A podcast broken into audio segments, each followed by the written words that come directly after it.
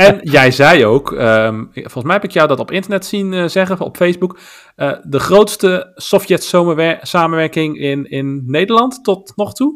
Zeker weten, tot in nog toe. Um, hooguit in uh, Verenigd Koninkrijk heb je grote bijeenkomsten gehad met grote Sovjetgroepen veel samenwerking daar. Maar voor continentaal Europa heb je wel, nou, hebben we denk ik een historisch evenement neergezet. Ja, ja, en dat wisten we, tenminste, jij wist dat misschien van tevoren wel dat je daarmee bezig was. Ik wist dat van tevoren niet. ja, kijk, ja, maar dat is toch wel mooi. in het verleden um, werden we best wel verhinderd om samen te werken met andere groepen, laat staan internationale groepen. Ja. Dus uh, juist die de mogelijkheid er is, hebben we dat gedaan. En het succes, het, uh, het resultaat was alleen maar bijster succesvol.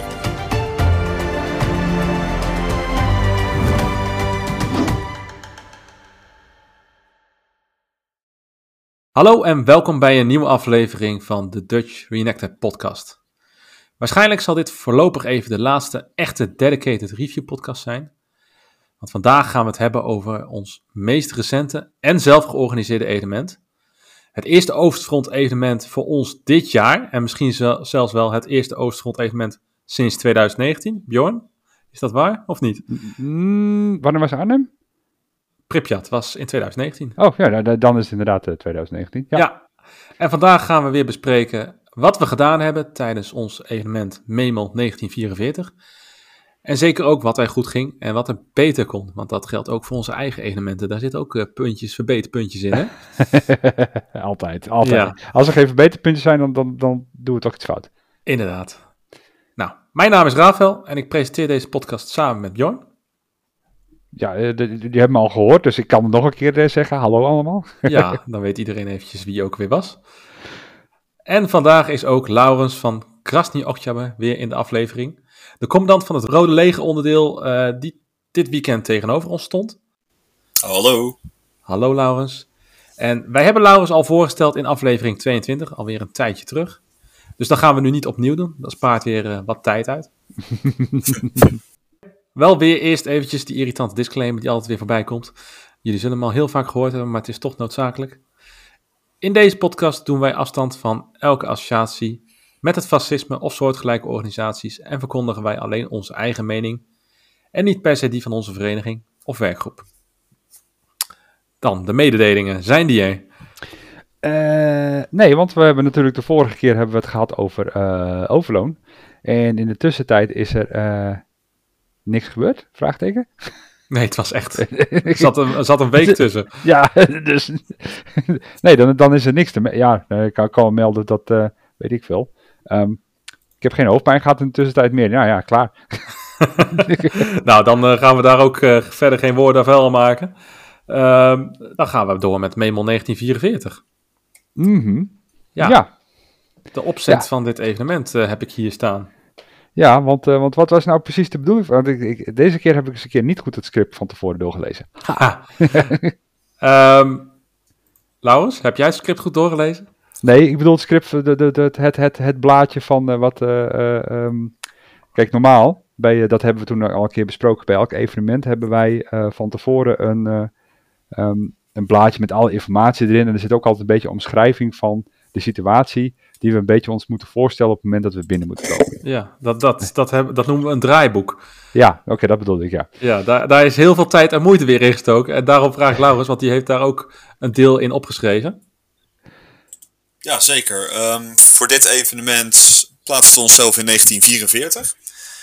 En wat ik ooit van, uh, van jullie Soert heb geleerd, is om een scenario te schrijven, ook aan de hand van de data waaraan we zitten, waarin we zitten. Ja. Klopt. Dus we zitten eind oktober en dan ga ik, de, de pak ik de grote Oostfront Atlas erbij en dan ga ik eens kijken wat zijn interessante uh, gevechtstheaters. Normaal ja. kies ik altijd uh, vrij egoïstisch zelf voor de divisie die wij uitbeelden, 39e mm -hmm. Garde Schuttersdivisie. Maar ik zag op, uh, of ja, ik weet het, dat ze in oktober 44 uh, niet op een hele praktische plek waren. Ze gestationeerd aan een grote rivier. En dat vond ik niet goed passen voor een scenario op het terrein van Davy Crockett in uh, nee. Noord-Limburg. Nee, want daar zijn geen grote rivieren. Ja, de Maas, maar die zit daar niet in de, ja, die zit in de buurt, maar niet voor ons uh, op het terrein. Kijk, het, het, zou een hele heldhaftige, uh, heldhaftig evenement zijn om uh, onder jullie vuur een rivier over te steken. Ja, dat hebben jullie ja. al bij de Waal gedaan, of dan jullie tegenstanders bij de Waal. Nou, dus volgende keer gaan we de Sovjets eroverheen sturen. Nou ja, dat, dat zou heel indrukwekkend worden, denk ik. Ja. Hey. Idee. Even wat meer groepen met bootjes en vlotten uitnodigen. Ja, maar uh, dus kwam jij uit in, uh, in Memel in 1944. Ja. En dat is, uh, voor, voor de luisteraars die het niet weten, dat is, ja, toen was dat het noordelijkste puntje van Duitsland, denk ik, zo'n beetje, Noordoost. Ja, zeker Pruisisch gebied. Ja, ja, inderdaad. Want dat was eigenlijk eerst van Litouwen, hopelijk goed zeg. -huh. De onderste, onderste van de drie Baltische staten. Ja, correct. Mm -hmm. Dat werd dan in 1939 door de Duitsers ingelijfd omdat zij vonden dat dat uh, bij Duitsland hoorde. En uh, nou ja, dat werd natuurlijk in 1944 uh, in, ja, ingelijfd bij de ja. Litouwse Sovjet-republiek. ja, ja, en die strijd, daar, daar, ja, die lag eigenlijk ten grondslag aan ons evenement. Ja. Um, nou weet ik eventjes niet hoe het in de omgeving van Memel eruit ziet. Weet jij dat wel, Laurens? een gevarieerd landschap tussen vlaktes en relatief kleine bossen. Ja, ja. ja, het had gekund.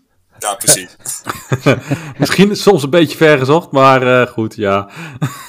je, moet er, je moet er wel een leuke setting aan geven, hè? Want, want het komt later nog wel even terug waar, uh, ja, waar, ja. waar, waar, we nog wel wat mee gedaan hebben. Ja. ja. Nou, wij zaten dus inderdaad op het terrein van uh, Davy Crockett in uh, Metrik.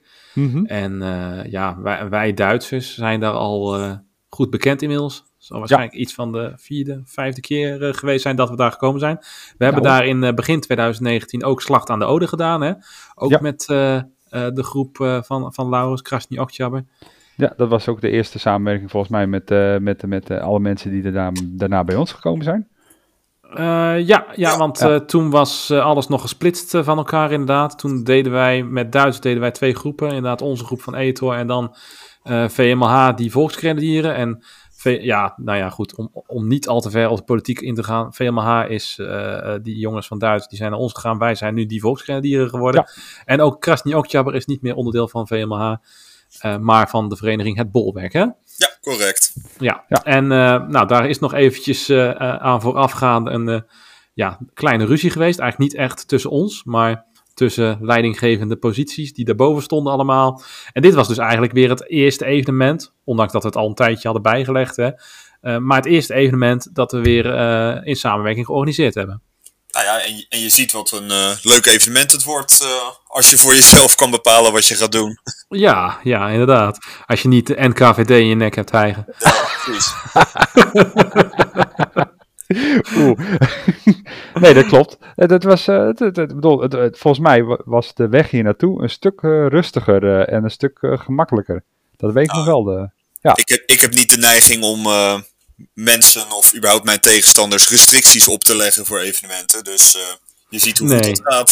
ja, ja, ja, ja. Nee, maar, maar ik denk dat Bjorn ook doelt op inderdaad de organisatie van tevoren. Hmm. Dat, ja. dat het gewoon lekker soepel liep.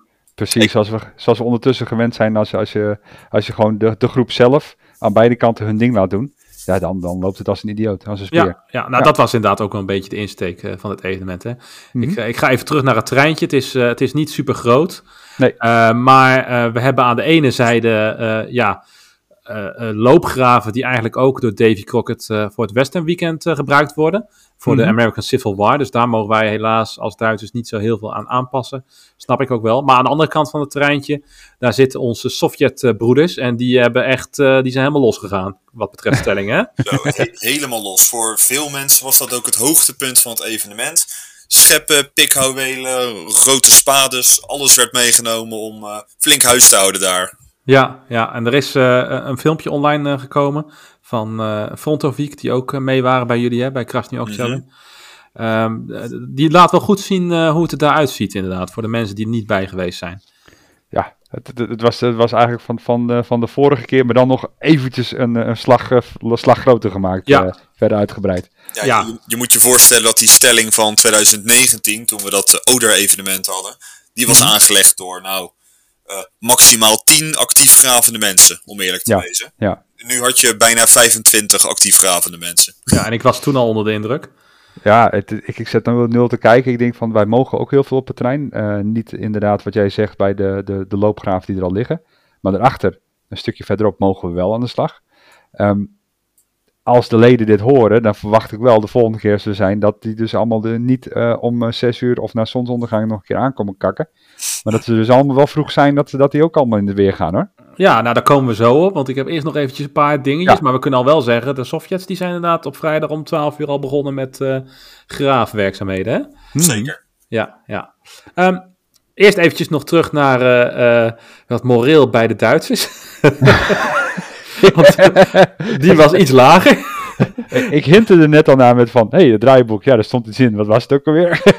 ja, ja, ja. Ja, nou ja, we hebben het uh, natuurlijk op de, dit podcastkanaal al, al vele reviews voorbij zien komen. Mm -hmm. Dus we hebben inderdaad met, uh, met die Volksgrenadier een heel druk uh, september en oktober maand gehad. Ja. En dan was dit eigenlijk een beetje de afsluiter voor, hè? Klopt. Het is, uh, ik, ik, had, ik had al vier, uh, vier weekenden achter elkaar ben ik weg geweest. Dus uh, ja, het was, ja. het was echt wel een beetje zo van, ah, nou is vorige week natuurlijk niet veel mogen doen, dus dat, dat heb ik nog in mogen halen. Maar ik merkte wel bij de mensen dat de, de aandacht was wel een beetje verslapt. Het was echt wel tijd om ook leuke dingen eromheen te gaan doen. Ja, ja. En, en desondanks zorgde dat weer voor een heel realistisch beeld. Mm -hmm. Ja. Uh, want waarschijnlijk die Duitse soldaten die in Memel zaten in 1944, die dat, hadden er misschien ook weer wel niet meer zoveel zin in. Ik bedoel, nee. sinds, sinds februari 1943 op de terugtocht.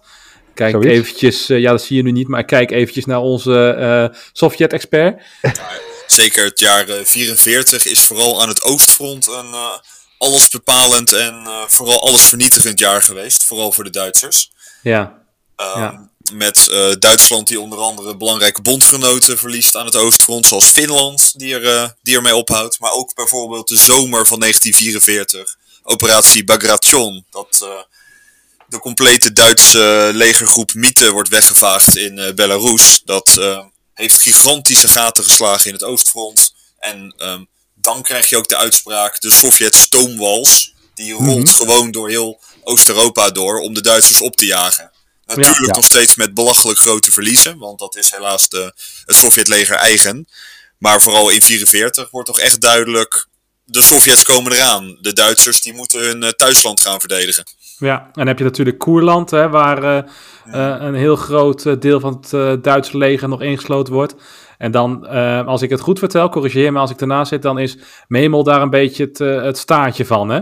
Ja, het staartje aan, aan de zuidflank daarvan. Ja, inderdaad. En was de Sovjets er ook alles aangelegen om Memel goed in te sluiten, zodat die troepenconcentraties zich niet bij Koerland konden voegen. Nee, precies. Ja, ja inderdaad. En dat die, die die insluiting van Koerland echt uh, gevoltooid werd. Ja. Ja, nou de Duitsers dus uh, um, laag moreel. Nou, dat waren onze mm -hmm. Duitsers ook vanwege ja. uh, moe gestreden. Uh, Duitsers in de minderheid. Komt ook overeen met wat wij dit weekend hadden. we hadden achteraf, vooraf wist niemand dat, want we hebben echt bewust geprobeerd het aantal deelnemers voor iedereen geheim te houden, hè, Laurens? Mm -hmm. Zelfs Bjorn wist op een gegeven moment niet hoeveel mensen er kwamen. Nou, nee. mooi. maar we hadden, we hadden 17 Duitsers en we hadden um, uiteindelijk 27 Sovjets. Inderdaad. Ja, dus dat was wel, uh, dat was wel een uh, meerderheid. Nou, dat is ook historisch correct. En uh, nog meer historisch correct, de Duitsers waren slecht bewapend, want we hadden geen machinegeweren. Nee. Um, dus uh, ja, en de Sovjets waren heel strijdlustig. En, en was een hoog moreel, hoorde ik van oh, Laurens. Een gigantisch hoog moreel. En ook de eerste uh, internationale samenwerking met een Rode Legergroep uit Duitsland deed ja. met ons mee. Dus het was een soort van ja, reunie van mensen die elkaar online alleen maar kenden. En nu eindelijk in het veld met elkaar konden optrekken. Er mocht gegraven worden. Het eten was goed. We waren flink bewapend. Dus moreel aan onze kant was extreem hoog zelfs. Ja, ja, nou, mooi. En jij zei ook, um, volgens mij heb ik jou dat op internet zien uh, zeggen, op Facebook, uh, de grootste Sovjet-samenwerking in, in Nederland tot nog toe? Zeker weten, tot in nog toe. Um, hooguit in uh, Verenigd Kon Koninkrijk heb je grote bijeenkomsten gehad met grote Sovjetgroepen. Veel samenwerking daar, maar voor continentaal Europa heb je wel, nou, hebben we denk ik een historisch evenement neergezet. Ja, ja, en dat wisten we, tenminste, jij wist dat misschien van tevoren wel dat je daarmee bezig was. Ik oh, wist dat van tevoren niet. ja, kijk, ja, maar dat is toch wel mooi. in het verleden um, werden we best wel verhinderd om samen te werken met andere groepen, laat staan internationale groepen. Ja. Dus uh, juist nu die mogelijkheid er is, hebben we dat gedaan. En het, succes, het, uh, het resultaat was alleen maar bijster succesvol. Ja, ja inderdaad. Um, komen we straks ook nog eventjes op inderdaad van uh, wat ging goed en wat ging niet goed. dat is in ieder geval een pluspunt. onthoud me even voor straks. Uh, we gaan hem even heel snel doornemen. We zitten nu al ongeveer op een kwartier. We zijn al lekker, uh, lekker aan het lullen. Um, we hadden het net al eventjes over de vrijdag. Nou, de Duitsers die uh, gingen kampement opzetten en kwamen allemaal een beetje rond, nou ja, wat later, wat later aan. Terwijl de Sovjets ik, al om 12 uur bezig waren. Ik kwam eraan en het was twee uur. En ik heb volgens mij twee uur uit mijn neus zitten eten toen ik mijn tent op had gezet. Voordat de eerst volgende aan kwam zetten. Ja, en dat, dat wist ik ook. En daarom kwam ik zelf pas rond avondeten aan. Mm. ik denk, ja, dat heb ik ook tegen Laurens gezegd. In Pripyat in 2019 zat ik al vanaf 11 uur s ochtends uh, te wachten. En uh, het was toen ook nog een regenachtige dag. Dus iedereen kwam pas wat later in de avond aan. Ik weet niet meer hoe, hoe het toen bij uh, de Partizanen was. Hè, want jullie deden toen Partizanen. Of die ook later aankwamen. Maar hoe dat was heel erg druppelsgewijs, wat juist ook erg chaotisch was eigenlijk. Ja, ja, ja, dat is altijd wel uh, vervelend. En, en dat maakt wel, dat ik even teruggrijp naar vol, het weekend ervoor, met overloon. Kijk, het is allemaal heel lastig te regelen, maar ik snap wel dat zo'n organisatie graag wil dat eigenlijk iedereen voor zes uur bezig is, binnen is. Ja, ja. ja. Maar goed, weer een ander verhaal. Um, nou goed, uh, jullie gingen bezig, wij gingen bezig. En op een gegeven moment spraken we ook af, uh, tenminste Laurens en ik spraken met elkaar af. Uh, Duitsers en Sovjets wisten allemaal niks. Uh, dat het vanaf 9 uur, uh, hoe zeggen ze dat, free game was. Ja, precies. Ja, dus dan mocht er, mocht er acties komen. Ja, niet geschoten, want we hadden op de papieren van de politie staan dat er alleen maar overdag tussen 8 en 6 geschoten mocht worden. Is ook wel natuurlijk begrijpelijk voor de omgeving. Ja. maar toen gingen er wachtdiensten gedraaid worden en gingen de nachtpatrouilles op uit. En daar werd een kleine overwinning behaald door de Duitsers. Wie, gaat, wie gaat vertellen? maar ik, ik, ik, ik, ik, ik, kwam op een gegeven moment naar buiten stiefelen en toen, uh, toen uh, hoorde ik uh, iedereen schreeuwen van, oh, we hebben ze. En ik kwamen met drie Russen aanzetten in camouflagekleding die tegen, nou ik wil niet zeggen tegen de muur aangezet werden, maar wel, we moesten wel een hand omhoog doen om eventjes daar tegenaan te steunen, zodat ze doorzocht konden worden. Um, want onze, onze wachtposten, die hadden, hadden een paar mensen te pakken, begreep ik in één keer. Ja, ja, wij hadden drie, uh, drie Sovjet, uh, Sovjets ja. hadden we gevangen genomen. Ja, ja en ik, ik hoorde ook uh, in ieder geval van deze, van onze, onze wachtposten, dat die hem ook al een tijdje in de smies hadden, dat ze even gewacht hadden voordat ze erop gesprongen waren. Um, want ze hadden het al ze hun aan horen komen. En, en blijkbaar hadden dus de, de, de, onze Sovjet-vrienden en dit waren geen mensen van jou, want dat had ik al begrepen. Nee, nee klopt. Dit was onze, de, onze, ja, onze Duitse Sovjetgroep. Ja, ja. En die, uh, um, ja, die hadden dus zoveel geluid gemaakt. Die hadden niet goed opgelet met, uh, met overal. Dat ze dus makkelijk gespot waren door, uh, door de wachtgroep. Van twee man maar liefst. Ja, nou, ik, ik had gehoord dat het een hele bijzondere ontwikkeling was wat daar zich heeft afgespeeld.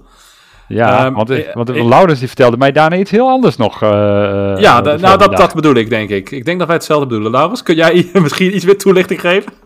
Nou, het was, uh, het was mijn opzet om in die nacht een, uh, een sectie erop uit te sturen in uh, camouflagepakken om het terrein te verkennen. Mm -hmm. Om eventueel aantallen bij jullie te controleren of jullie routines te bestuderen.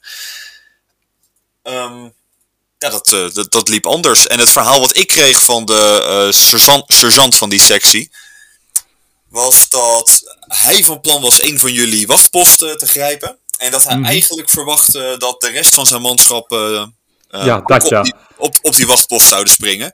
Uh, maar dat dat niet ja. gebeurd is. Dus dat door de afwachtende houding van de verkenners zijn de meeste verkenners opgerold. Niet allemaal. Ja. Maar er waren er inderdaad uh, drie gepakt en er waren er zeven in totaal, hè? Ja, zeker. Wat is er dan met die andere vier gebeurd? Die, die hebben zich teruggetrokken en die, die zijn notabene volgens mij ook deels uh, zoek geraakt in het bos door te ver te lopen. dus die hebben een ander deel van het terrein verkend, laat ik het zo zeggen. Ja, ja, ja. Heerlijk. Ja, het is ja. donker, hè? Wat wil je dan? Uh? Het, is, het, is ook een erg moeilijk terrein, uh, dit deel van het jaar, vind ik. Oh, zeker. De, de ja. dat zeker, ja. ja. Vergeleken met uh, februari, toen we dat Oder-evenement hadden in 2019. Mm -hmm. Toen was alles kaal. Ja, ja. Nu was alles extreem begroeid en heel veel takken op de grond, et cetera. Moet, je, moet je voorstellen, het is als het midden in de zomer is en er is helemaal niet doorheen te komen. Zo, inderdaad. Ja. maar goed, dus, uh, ja, de, de, de overwinningen waren van korte duur. En wij dachten van, nou, als we nog enigszins kans willen maken tegen die Sovjets, um, dan moeten we dat op zaterdagochtend om 1 over 8 doen.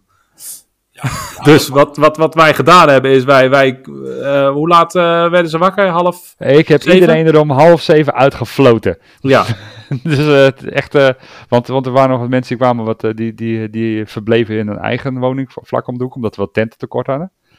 Um, en de, die er allemaal lagen, die heb, ik heb ze allemaal, uh, de, nou, ik heb ze er niet letterlijk uitgetrapt, maar ik heb ze wel allemaal uh, bewogen om nog voor zeven uur uh, waren ze al, al in, in, in, beweging. Ja, dus en toen hebben we ook gelijk gezegd van um, eerst aankleden in gevechtsaanzoek. Ja. Want we gaan gelijk die Sovjets op een lazer geven. Ja, ja. Er kwamen nog een paar Sovjet-dames langs naar het toilet, die werden snel weggewerkt. ja, dat, niet negatief bedoeld, maar die hebben toch echt wel uh, even aan de kant moeten werken met een, met een doel. Ja, want wij waren bang dat die anders uh, ons plan zouden doorgeven. Is mm. gelukkig niet gebeurd. En wij, wij gingen echt om uh, een uurtje of, het zal het geweest zijn, tien over half acht, gingen wij langs het pad richting de, Du de Duitse, richting de Sovjetstellingen. En daar hebben we echt iets van een kwartier tot tien minuten gewoon in stelling gelegen. Wachten totdat het acht uur was. En toen om acht ja. uur, uh, ja, toen, toen ging het uh, los. Uh, toen zijn we eerst een stukje door het bos nog in Schutzenketten gelopen. En toen op een gegeven moment, toen we gespot waren, toen het fluitje geblazen. En klaar voor de aanval.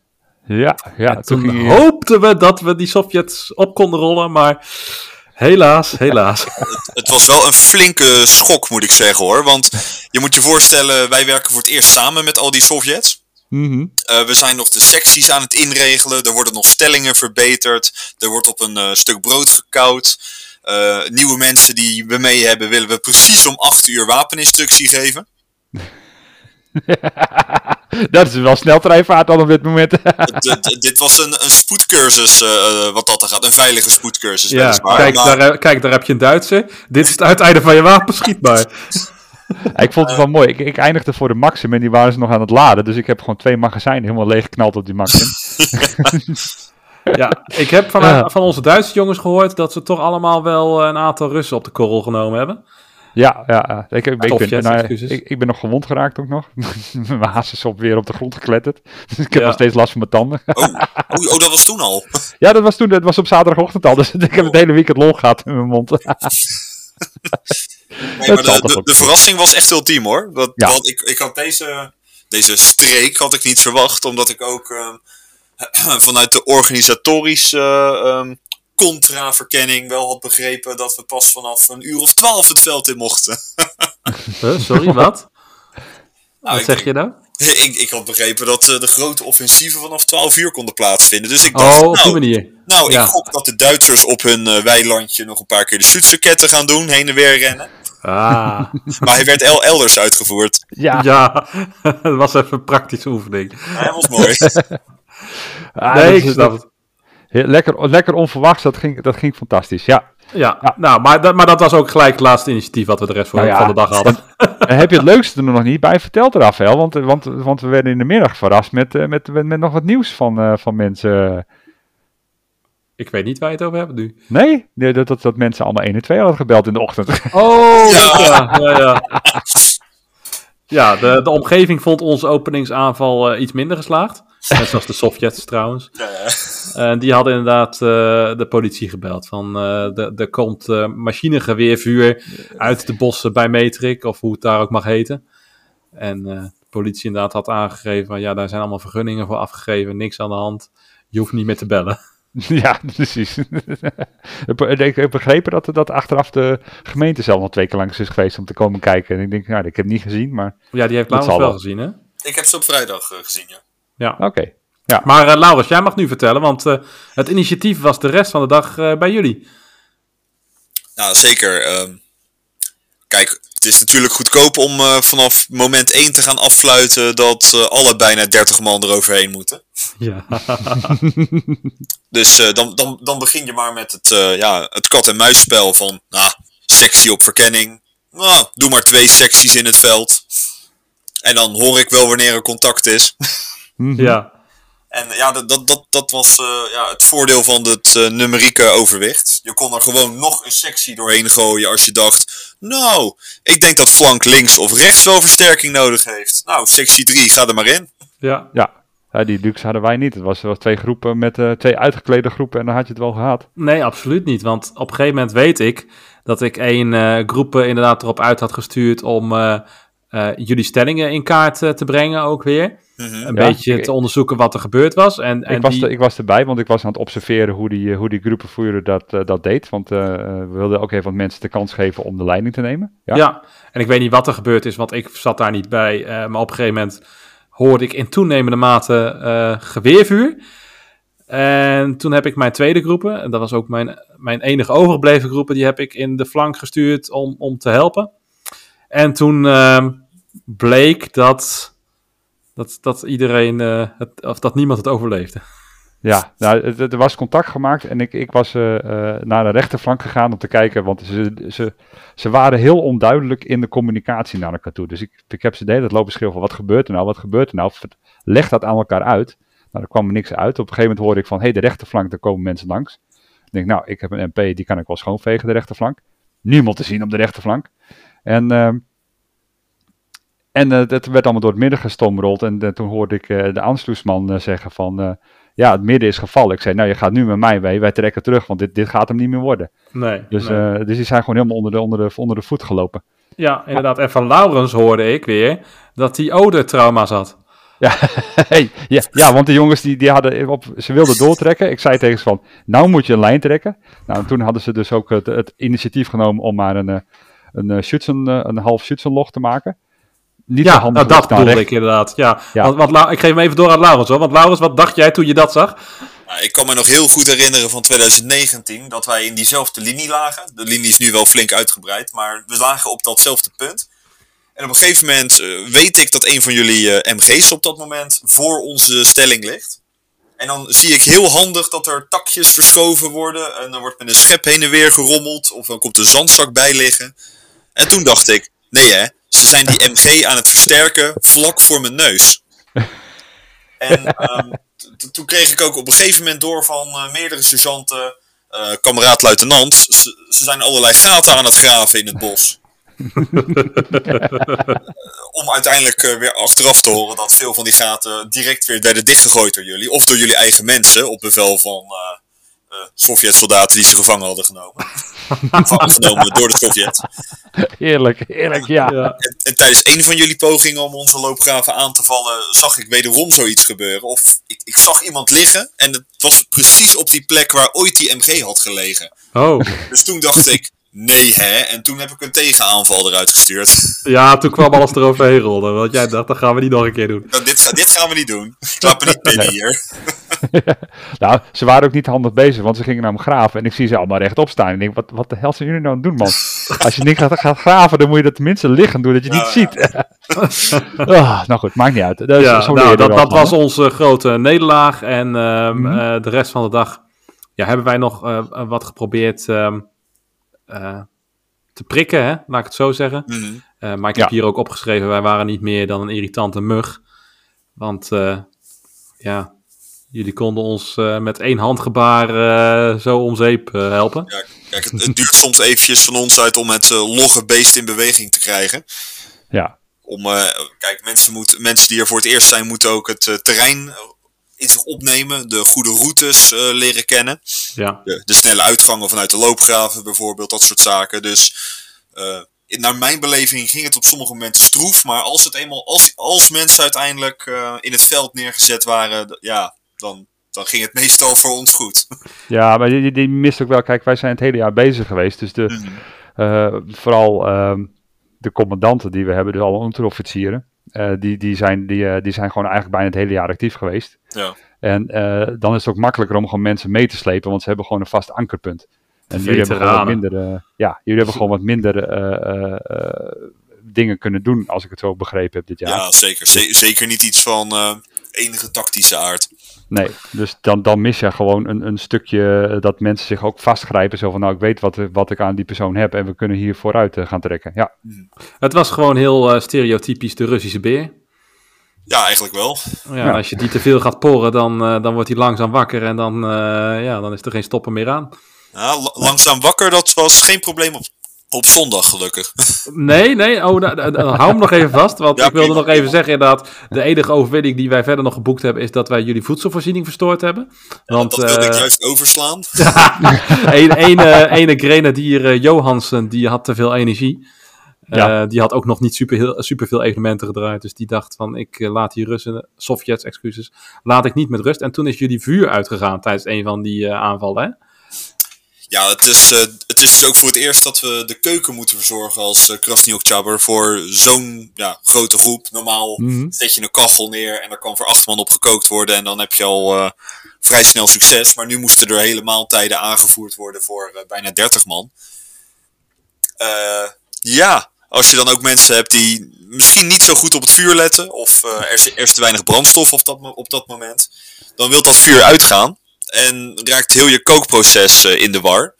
En vooral als je ook iets langer onder vuur komt te liggen van jullie uit. Of uh, we sturen juist actief heel veel mensen naar een tegenaanval.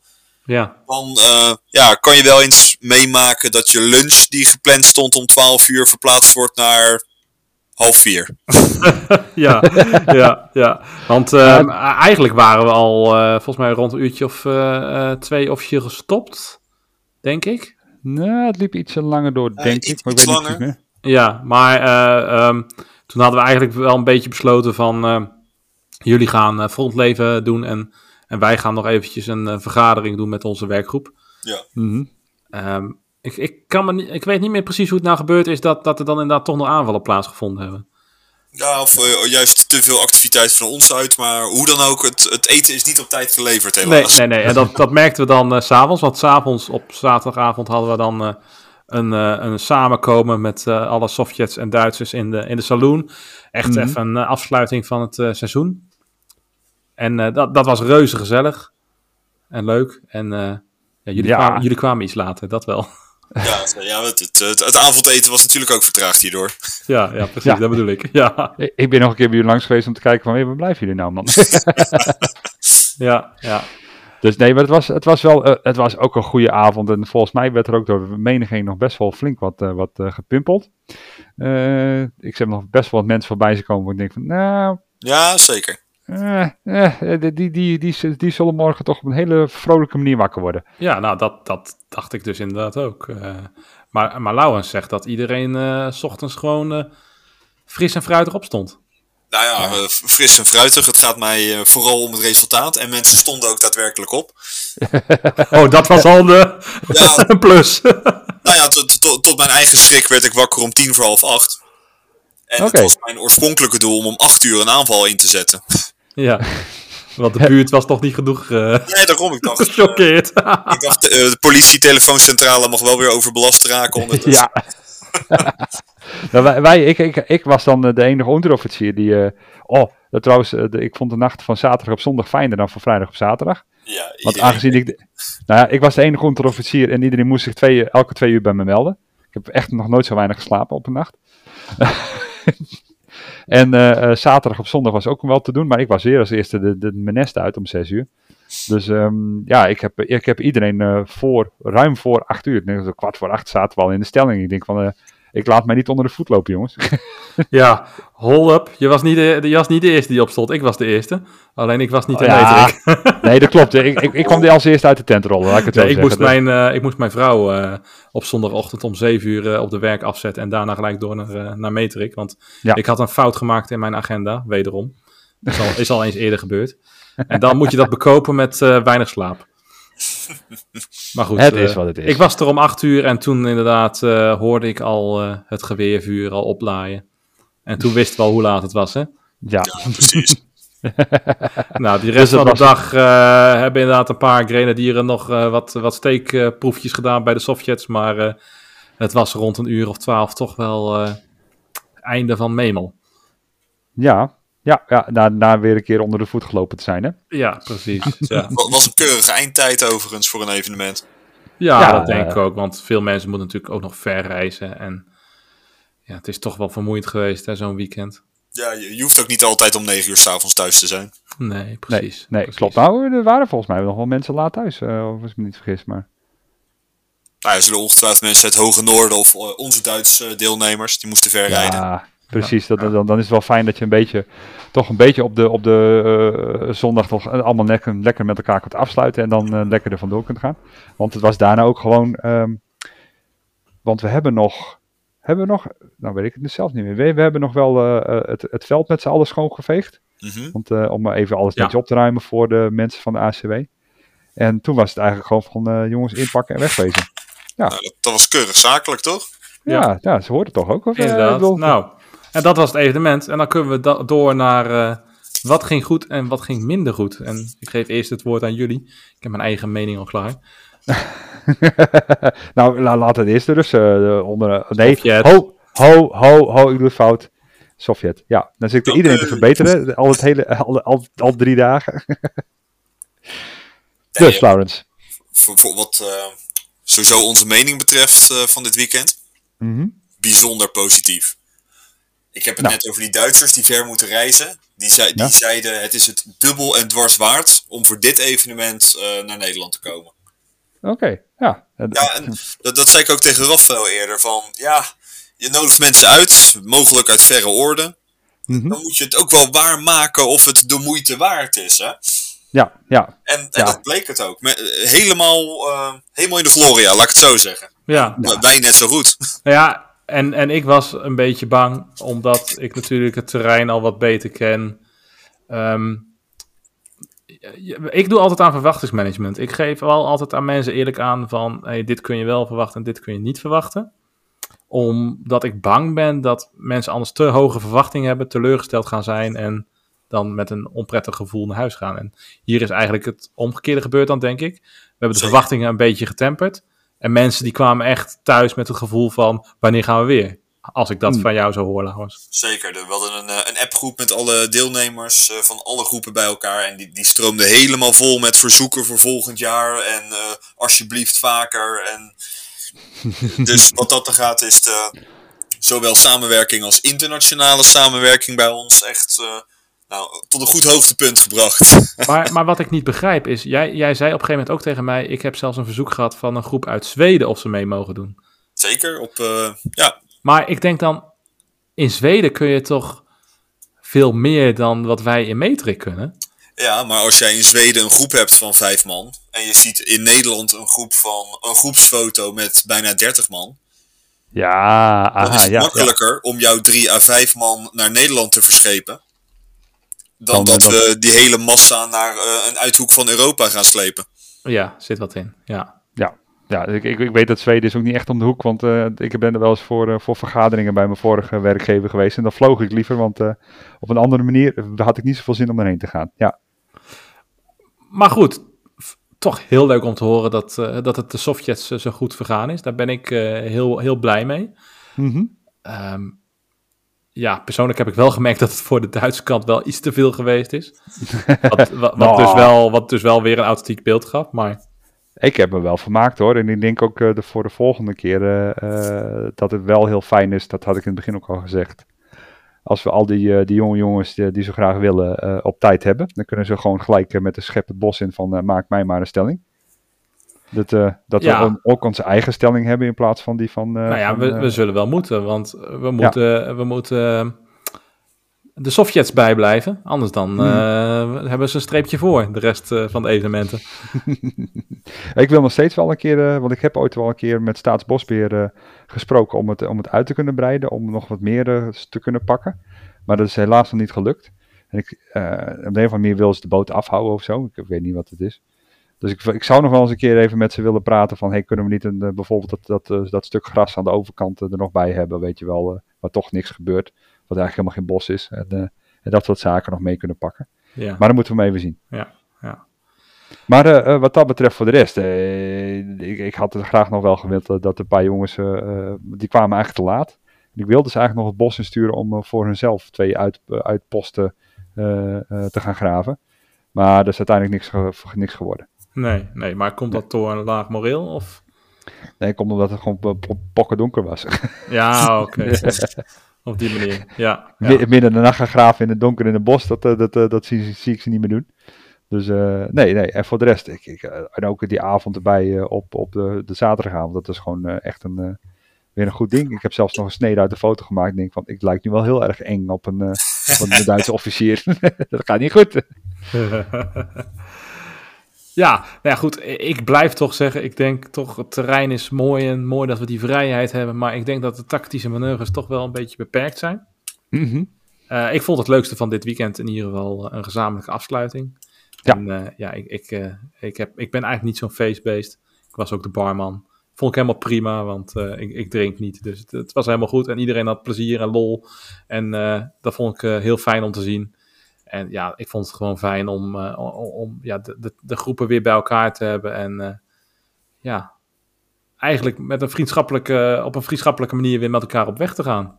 Ja, oh, trouwens, schiet me te binnen. Dat heb jij nog helemaal niet gehoord. Ik heb zelfs nog uh, mensen al horen filosoferen over de volgende keer. Dat ze die tweede loopgraaf, dat ze die dan willen opschonen. En uh, daar dan de mogelijkheid maken om dat, uh, daarin te gaan kamperen in plaats van in tenten. Dat we echt gewoon een hele stelling bezetten. Nou, dat is wat ik net bedoelde. Kijk, uh, de Sovjets die hebben dat wel gedaan. Hè? In de loopgraven mm -hmm. geslapen en zo. En dat, ja. dat, dat is wel een gezonde concurrentie voor ons. In de zin van, ja, als zij dat doen, dan moeten wij ook... Kunnen we niet onderblijven. Ons, ons, nee. ons spel verbeteren. Dan maak ik, zet ik voor jou wel een tentje erachter neer, dan kun jij netjes op de telefoon spelen. Hey, um, ik ben, uh, ja, ik was dit weekend was zoekvuur. Ik weet niet, natuurlijk niet of ik dat voor volgende keer weer ben, maar uh, jullie doen maar lekker. Ik ga bij de telefoon zitten. nee, maar dat, dat meen ik serieus, dat ik daar uh, eigenlijk op helemaal, helemaal achterin, nog verder achter de tweede dingen, op die open, open plaatsje wat we daar helemaal hebben dat daar wel een tentje moet komen om de telefoons in, uh, in op te slaan. Want anders, uh, mocht het een keer regenen, dan kun je die dingen natuurlijk weggooien. Dat ja, maar verder, verder geen tenten daar. Nee, dat daarom zeg ik van, die zetten één tent neer om die telefoons ja. gewoon te houden. En, uh, en, en, en dan kan dan het zoekvuur ook nog naslapen als hij zin heeft. Ja, precies. Maar dat wordt dan inderdaad verder in, in de loopgraven met de rest van de jongens. Ja, ja, ja, ja, ja. Nou ja, we gaan het wel zien. Maar hoe, als als sliep, jij ook, wordt... sliep jij ook in de loopgraaf, Laurens? Ik heb de eerste nacht een gro groot deel van de nacht doorgebracht in een uh, schuttersput, in mijn commandopost. Um, zeg maar, om ook te luisteren naar de verkenningsactie. Dus uiteindelijk hoorde ik veel geschreeuw in het bos en toen dacht ik dat het goed zou komen, maar uh, toen keerden er toch wat verdacht weinig verkenners terug. het hielp ook niet mee dat iemand in mijn schuttersput viel. Oh ja, dat heb je ook nog verteld. Ja. Iemand uh, met zijn laars in je gezicht, toch? Of zo? Uh, ja, zeker. Uh... zeer, zeer, memorabel, moet ik toegeven. Ja, echt een frontervaring. Dat is het donker, ja. Ja, dat doet het donker, ja. En ik, ben, ik, heb, ik heb me toen wel teruggetrokken richting mijn tent. ja, toen dacht je, nu ben ik het zat. Ik, ik dacht van, nou, dit, dit begint onveilig te worden als dit nog een keer gebeurt. Ja, dat is niet de bedoeling. Nee. Maar een groot deel van de Sovjets, incomplete sectie, Frontevic, hebben gewoon in de loopgraven geslapen. Ja. En ja. ook een groot deel van onze eigen mensen. Oké, okay. ja. Heftig. Ja. Eén en... iemand was overigens voor het eerst mee. Oké. Okay. En um, die heeft gewoon alleen maar op een zeil geslapen. Met een deken en met zijn hoofd op een geweerkolf. Oh, lekker. Ja. Nou, nee, ja, die, die, heeft zijn wintermuts om die kolf gevouwen en die is op die manier gaan slapen. En dat was zijn eerste evenement. Nou, dan, dan, dan heb ik toch, uh, toch comfortabel gelegen met één dekentje opgerold en uh, twee dekens over me heen bovenop een uh, ja. ja. maar zijn er ook nog verbeterpunten? Of waren die er helemaal niet? Uh, nou ja, ik heb, ik heb mijn verbeterpunten al helemaal door, overal doorheen gesprinkeld. En dat ging meer over het feit van, hey, de, de, de jongens hadden wat eerder moeten zijn. Dan hadden we nog iets meer wat ik van plan was te uh, kunnen gaan doen. Ja. Ja, maar voor de rest denk ik van, de, want toen, toen we eenmaal in de, in de loopgraven zaten, gebeurde precies wat ik verwachtte. Er moeten gewoon patrouilles uitgestuurd worden om, om van tevoren te weten wat er is. Want je ziet gewoon, ja, je ziet 50, uh, 50 meter op bepaalde plekken en anders minder dan 50 meter. Ja, je moet gewoon iemand voorop hebben zitten om, uh, om te, te proeven. Ja, voor de rest, je zit als onderofficier zit je erachter, want ja, je kunt niet meer doen. je moet nee. gewoon afwachten tot ze weer terugkomen met nieuws. Nou ja, ja. Dat, dat is een beetje wat ik er lastig aan vind. Um, voor, ik, ja, ik wil nog één keer Laurens de mogelijkheid geven. Heb jij nog uh, opbouwende kritiek? Of? Ja, ik, ik heb uh, twee verbeterpunten en die, ja. ja. die, zijn, voor, die zijn voor onszelf. Uh, de keuken die we hebben uitgegraven was eigenlijk te klein voor de hoeveelheid werk die daar verricht moest worden. Los van jullie uh, actie op zaterdag. Ja. Uh, maar we hebben eigenlijk behoefte aan twee vuren. Om op die manier te kunnen koken en om de troepen van thee te kunnen voorzien. Mm -hmm. Want ja, het, het, weer zat heel erg mee. Maar anders hadden we denk ik wel een vochttekort gekregen uiteindelijk. Dus ja. er moet eigenlijk continu thee gekookt worden in, het, in de Sovjetkeuken. Okay, en daardoor ja. hebben we eigenlijk ook een dedicated kok nodig. Of iemand die die dag de kok wil zijn de hele dag. Ja, dat kan ik me wel voorstellen. Ja, dat je daar dan behoefte aan hebt als het zo groot wordt. Ja, ja. Want, ja want in, een, in een realistische gevechtservaring aan het front heb je nu eenmaal een veldkeuken achter het front staan. ja. En die voert op uh, gezette tijden, als alles goed gaat, uh, complete thermoscannen met soep en thee en brood aan. Ja. Nee, dat probleem dat ken ik wel van, van ons uh, Duits. Inderdaad. Wij hebben ook geen dedicated veldkok. En dat gaat op een gegeven moment inderdaad wel, wel noodzakelijk uh, zijn, ja. Maar Ja. um, um, ja, jouw tweede punt uh, verder nog.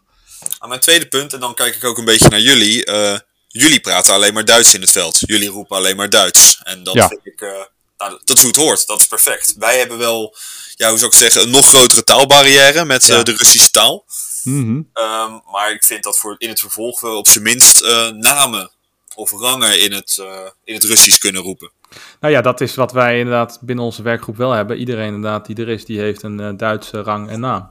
Ja, dus wij, wij vinden dat we bij ons, althans bij Krasny, uh, Krasny Oktober, meer aan personageontwikkeling moeten doen. En dat Ja. mensen ook wat van elkaars personage leren kennen. Ja, Ik ben daarom Ja. nu ook een klein project gestart om meer mensen aan identiteitspapieren te helpen. Zodat mensen zelf kunnen nadenken van, joh, welke Ivan, uit welke stad ben ik? Ja. Nou, wat wij hebben gedaan met uh, Duits, um, is je hebt natuurlijk je eigen naam, de eerste letter van je voornaam en de eerste letter van je achternaam. Dat vormen ook de eerste letter van je Duitse voornaam en de eerste letter van je Duitse achternaam.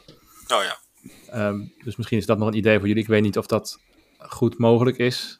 Nou, we- we- ik, ik, ik probeer qua Russische namen. eh, mensen mogen zelf kiezen. Maar eh, als mensen zelf geen idee hebben hoe ze willen heten, dan eh, probeer ik de Nederlandse naam een beetje te verbasteren en daarmee te vertalen en er eh, of achter te zetten. Ja, ja, ja. En dan google ik ook nog of het een realistische Russische of andertalige achternaam is. En dat heeft ook nog als voorde- voordeel dat als je iemand op internet eh, zet, hè, als je dan zijn, in dit geval, is het Russische naam dan? Ja, het is Russisch hè? Ja. Ja, als je dan zijn Russische naam erop zet, dan, dan weet iedereen van jouw groep, oh dat is die en die persoon. Maar mensen van buitenaf, die hebben geen idee wat de echte naam van die persoon is. Nee, precies. Dat is ook stukje privacy wat wel handig is. Ja, ja Mhm. inderdaad. Ja.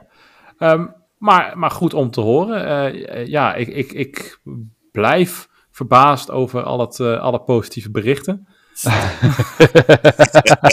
Je bent ook gewoon klaar met het seizoen om hem buiten te ja, liggen. ik, ik, ben, ik ben wel echt inderdaad uh, wel, wel klaar met het seizoen. Dat voel ik wel. En ik heb nu echt wel het idee van... Uh, ik ben wel even toe aan wat rust. Het is, het is ook niet niks om een evenement te organiseren. Want je moet toch overal mee bezig zijn en uh, zorgen dat alles goed verloopt. Um, en ja, ik heb hier op papier staan. Mijn conclusie zou eigenlijk zijn van ja... Tenzij alle deelnemers zeggen dat het heel erg gewenst is, zou ik niet snel weer een mini-tactical op dit terrein organiseren. Maar ik, ik voel hem nu al komen, dat is heel erg gewenst dat het wel gebeurt. Dus... nou ja, wat, wat ik de vorige ook aangaf, misschien is het ook wel handig om, om, om, om uh, um, dat het, het gevoel wel leeft van we willen wel het, het frontleven pakken en dan, dat, dat dat dan de, de hoofdzaak is en dat de, de battles dan een beetje zo'n secundaire bijzaakje is, zeg maar. Nou ja, dat je wel dat, de spanning voelt, er kan iets ja, gebeuren. Ja, dat, is natuurlijk is wel wat, ook al eerder gezegd is, hè, het realisme sneuvelt op het moment dat de eerste kogel gelost wordt, of ja, kogel, eerste schot afgevuurd wordt. Ja, ja. Ja, en, en als je eerst, we, we zitten dan in onze Duitse uh, stellingen Duits tegen elkaar te lullen, want het, tegen die andere Duitsers aan. Hmm. Dus, uh, en soms ook Engels als het even wat te moeilijk wordt. Maar uh, ja, als je dat, dat en je bent bezig, je krijgt je eten, je bent ondertussen wel, je hoort een schot in de verte, dan staat iedereen, dat, was, dat vond ik wel heel mooi. Je hoort een schot in de verte, dan denk je eerst van, oh, is niks bijzonders. Vervolgens hoor je nog een paar schoten en dan zie je iedereen plotseling op scherp staan. Ja, ja. En dan duurt het langer en duurt het. Ja, en dan, en dan op een gegeven moment merk je van, er komt iemand aan, ja, ze zijn weer teruggetrokken. Oh, ja, nee, dan, dan gaat iedereen weer zo van, oké, okay, nou ja, dan gaat de helemaal gaan weer af. En dan gaat iedereen weer zo van, oké, okay, chill. nee, maar, dus ja. dat, dat, is echt heel mooi om te zien. Ja. Voor een uh, eventueel vervolgevenement moet je ook niet schrikken als we bijvoorbeeld met 40 Sovjets komen. Mhm. Maar dat betekent voor mij niet per se dat er daardoor meer Sovjets in het veld zijn. Want dat geeft mij juist meer ruimte om een uh, ja, toegewijde kok neer te zetten. Of een vaste telefonieploeg of een medische eenheid. Uh, wat, wat juist um, meer het frontlevengevoel moet versterken. Of de efficiëntie van de eenheid aan het front. Uh, maar dat betekent niet dat ik 40 à 50 man in één keer over dat beperkte veld ga sturen. Nou, mag nee, wel, nee, kijk, dat wil ik dan wel één, één keer per dag doen voor jullie ervaring. Ja, ja. nee, maar dat, dat betekent, alle, vice versa betekent dat voor ons van, uh, als, wij, als wij nou met dezelfde opkomst hebben of iets groter als in, in bijvoorbeeld overloon, dan kun je gewoon één keer de, de, de met één groep uh, de, de, uh, de loopgraaf helemaal aan het front bezetten. En de andere groep die kan dan op de achtergrond zitten dingetjes doen of, of, of gewoon slapen. Want omdat je s'nachts toch kut slaapt, dat je overdag nog even slaapt. En dan dat dan weer afwisselt als de onderofficier weer naar het front schopt. Dat die andere groep weer terug kan. Dat je dus een wissel, relatiesysteem kan. Ja, precies. Iedereen kan het op zijn eigen manier invullen. Op die manier. Ja. Nou goed, um, we gaan het erover hebben. We gaan erover uh, nadenken. Je hebt nog niet eens vermeld dat we ook nog een memo-lintje uitgereikt hebben. Um, ik ben ook nog niet klaar. rustig maar, rustig maar. Jullie hebben ook iets uitgereikt. ja. um, ik wou eerst inderdaad nog even inhaken op het feit dat de groepen steeds groter worden. Want jij zegt al inderdaad van, uh, ik kan volgende keer wel 40 uh, waarschijnlijk bij elkaar krijgen. Nou, wij waren nu niet zo groot uh, qua aantallen vanwege de voorgaande evenementen. Mensen mm waren moe en zo. Terwijl, ik heb ook de vergelijking gemaakt met 2019. Toen hadden we hetzelfde aantal mensen ongeveer staan. En toen vonden we het gigantisch grote groep. Nu mhm. staan we met hetzelfde aantal mensen en vinden we het weinig. Uh, dat laat ook wel weer zien hoe groot onze groep ondertussen geworden is. En hoeveel mensen we er in feite zouden kunnen neerzetten als we echt, uh, echt willen. Maar dan kunnen we inderdaad misschien met zo'n systeem gaan werken als, als wat Bjorn net aanhaalt. Mm um, maar, maar goed, ik ga, we gaan het erover hebben. Ik ga erover nadenken. Ik zeg niet dat het niet meer gaat plaatsvinden. Maar we, hebben ook, we gaan ook proberen om grotere terreinen te krijgen. Ja, ja um, dat zou nog mooi voor iedereen zijn. Ja, ja. Uh, maar dan zal wel waarschijnlijk de keerzijde van de medaille, bruggetje intended, uh, zal, zal dan zijn dat je dan niet uh, kan ingraven. En dan inderdaad, om over die medaille te hebben, inderdaad, wij hebben onze Duitse leden ook een participatielintje gegeven. Ja. Um, ja. Die is, um, er was echt een medaille. Die is eigenlijk uitgereikt in 1939 voor de Duitsers mm -hmm. die meededen aan het inlijven van Memel tijdens, ja, hoe, hoe noem je die fase? Nou toen, toen alles nog geannexeerd werd. Ah, ik zou bijna zeggen, nou, het is niet, dat klopt niet, want dat is eigenlijk voor Oostenrijk bedoeld, maar een beetje de Anschlussfase, zou je bijna kunnen zeggen. Ja, precies, inderdaad. Klopt, en, en, term klopt niet, maar nee. het, principe is duidelijk, ja. Ja, maar dat is ook een lintje wat wij uitgereikt hebben als participatie en die mogen ze alleen maar dragen in informele settings. Uh, dus settings waarbij het niet zo authentiek hoeft te zijn. Mm -hmm. dat, is een, dat, is een, goed systeem, want ik heb aan alle Sovjet-deelnemers een gramota, dat is een soort van diploma, uh, uitgereikt. Met daar de dankbaarheid van het opperbevel uh, aangaande het meedoen aan deze slag. Ja, en, en waar mogen zij die dan, moeten die ophangen in een kamer? Of ja, mogen dat nou, ook ik, op een uniform dragen, iets? Nee, nee, ik heb wel, uh, dat is iets wat bij het beperkte papierwerk van een Sovjet-soldaat hoort. Okay. Maar dat is vooral, um, nou ik heb al van meerdere mensen gezien dat ze hem op hun kamer hebben opgehangen inderdaad. Ja. Als aandenken aan het evenement. Nou, ik, eh, ik voel me bijna alsof ik. Uh... Hoe zeg je dat? Alsof ik alles goed gedaan heb. Alsof er. Ja. Nou, dat, dat, mag ook een keer gezegd worden, wellicht. ik, ik, ik, ik, voel de, ik voel de complimentjes wel. ik voel me vereerd. Nou, dan, dan gaan we maar eens nadenken over een volgende keer. Ja, helemaal goed. Dan ben ik hem daarmee afsluiten. Tenzij jullie, jullie nog iets te melden hebben. Nou, heren, dank jullie wel. Ja, we gaan, er gewoon volgend, we gaan gewoon volgend jaar gaan we er gewoon weer wat moois van maken. Ja. Nou, wat gaan we doen dan? Op naar een goed jaar. Oké. Als je wil meepraten over dit onderwerp, laat dan een comment achter onder deze video. Dat kan op YouTube. Uh, ja, of via onze Facebookpagina, maar die gebruiken we niet meer zoveel. Als je meer wil weten over de Duitse werkgroep, uh, kijk dan op www.volksgrenadieren.nl. Of als je meer wil weten van Krasny Oktober, de, de groep waar Laurens lid van is, dan uh, kun je kijken op www.krasniokchaba.nl. En als je niet weet hoe je dat moet schrijven, alle links staan hieronder. Dus daar kan je dat uh, weer terugvinden. En dan uh, wil ik zeggen bedankt voor het luisteren en tot de volgende keer.